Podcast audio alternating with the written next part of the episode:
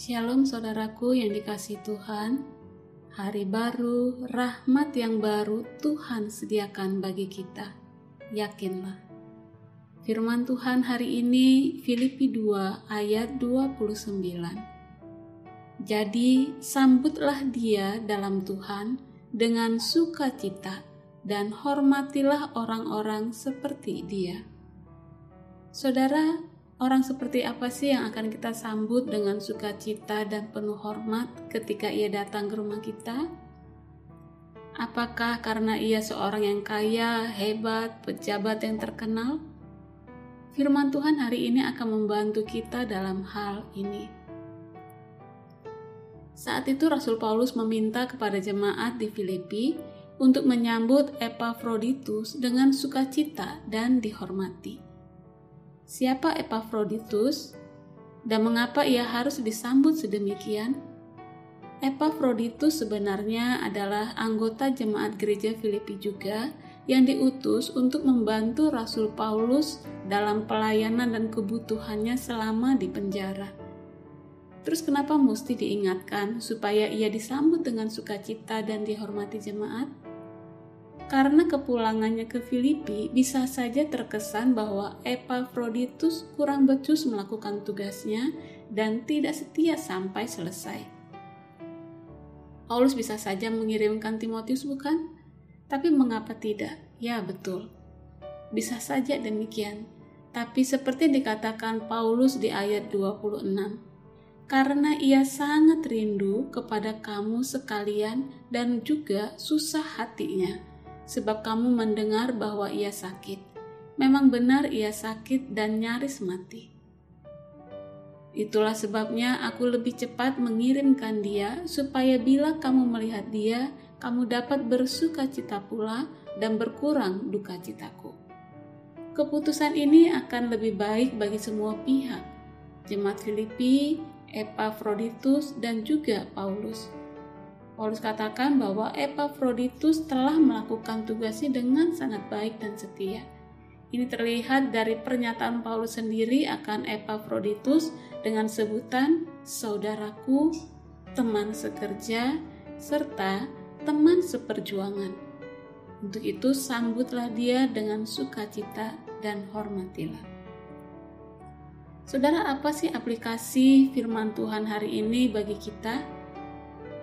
Apakah ini kurang relevan dengan pergumulan kita saat ini? Bagaimana masih bisa bersikap demikian? Keadaan susah, mikirin diri sendiri aja nggak kelar-kelar. Kok masih mau mikirin orang lain dengan menyambut dengan sukacita dan menghormatinya? Saudara, di tengah keadaan apa pun, kita diajak untuk terus mengembangkan sikap-sikap yang baik, karakter baik yang serupa dengan Kristus saat itu, keadaan jemaat di Filipi juga tidak baik-baik saja secara ekonomi. Mereka miskin, bahkan mereka menghadapi penganiayaan, hinaan, ejekan karena iman mereka kepada Kristus. Tapi mereka tetap diajarkan untuk memiliki dan mengembangkan sikap karakter yang baik, menyambut dengan sukacita dan menghormati. Ini adalah sebagai perwujudan identitas iman kita Saudara, menyambut dengan sukacita, menghormati setiap orang yang melayani Tuhan dengan sungguh-sungguh dan mati-matian dapat kita wujudkan dengan mendengarkan nasihatnya yang berdasar kebenaran firman Tuhan. Dengan tetap bekerja sama, berderak bersama, dan menunaikan panggilan kita sebagai anak-anak Tuhan. Dan yang kedua, mari kita juga menjadi pribadi yang seperti Epaphroditus, mau tetap bersungguh-sungguh mengikut dan melayani Tuhan. Saya teringat dengan rekan sepelayanan saya, seorang lause yang dari belum menikah sampai sekarang punya dua anak yang masih balita. Dengan rumah yang jaraknya jauh dari gereja, bisa dibayangkan saudara, berapa banyak alasan yang mereka miliki untuk tidak terlalu serius atau rajin datang melayani. Bisa saja boleh sedikit ogah-ogahan. Namun tidak bagi mereka.